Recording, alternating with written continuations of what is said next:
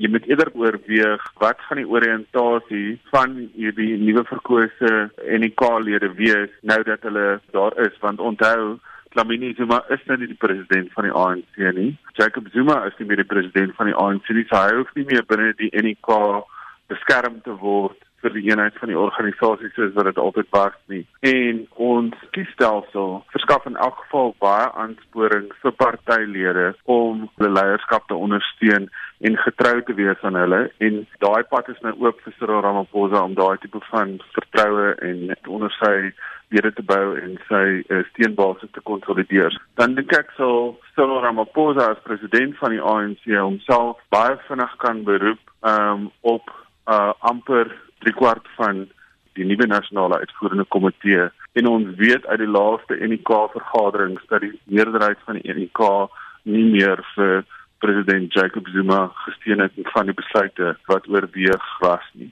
Kom ons gaan kyk gou na die top 10 van hierdie lys.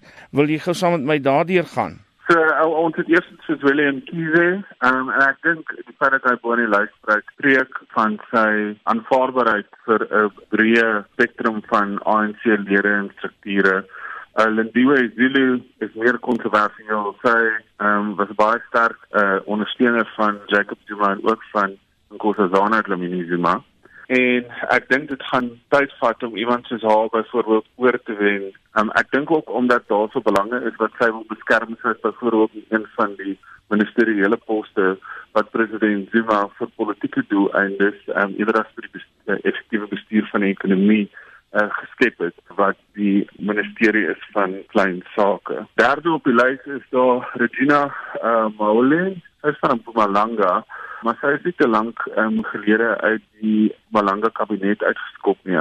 Malusi Gigaba is op nommer 5 minister van finansies. Ek dink hy gaan 'n belangrike leier in die ANC bly vorentoe. Dit is tekenend van haar populariteit dat Nkosazana Dlamini Zuma nog steeds op nommer 9 is en Zizi Kodwa um, wat baie goed gedoen het in hierdie ronde en op nommer 8 geland het. Hy is natuurlik die groot ondersteuner van Cyril Ramaphosa en vir die laaste paar jaar die uh, mediabeampte van die uh, ANC. Kan ons dalk gou gesels oor die name wat nie op die lys is nie? Ek dink wat um, vir my wel uitstaan is dat daar 'n paar mense is wat gekies het om nie deel te wees van die NK nie.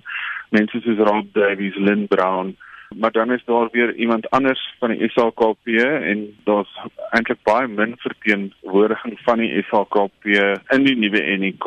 Iemand soos Blyden Zamandi, um, wat byvoorbeeld wel homself verkiesbaar gestel het vir die NK en wat nie daarop geland het nie.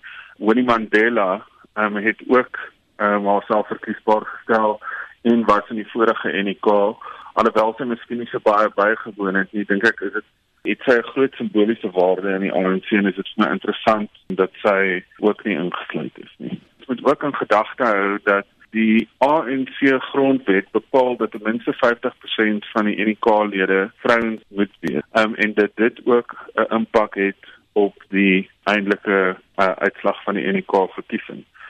So as die SAKP byvoorbeeld nie baie vrouens um, op hulle voorkeurkandidate gehad het nie wat hulle nie gehad het nie dan en, dan sê dit hulle insluiting uh, of die mate na toe waarna toe hulle ingesluit is impak op gehad het.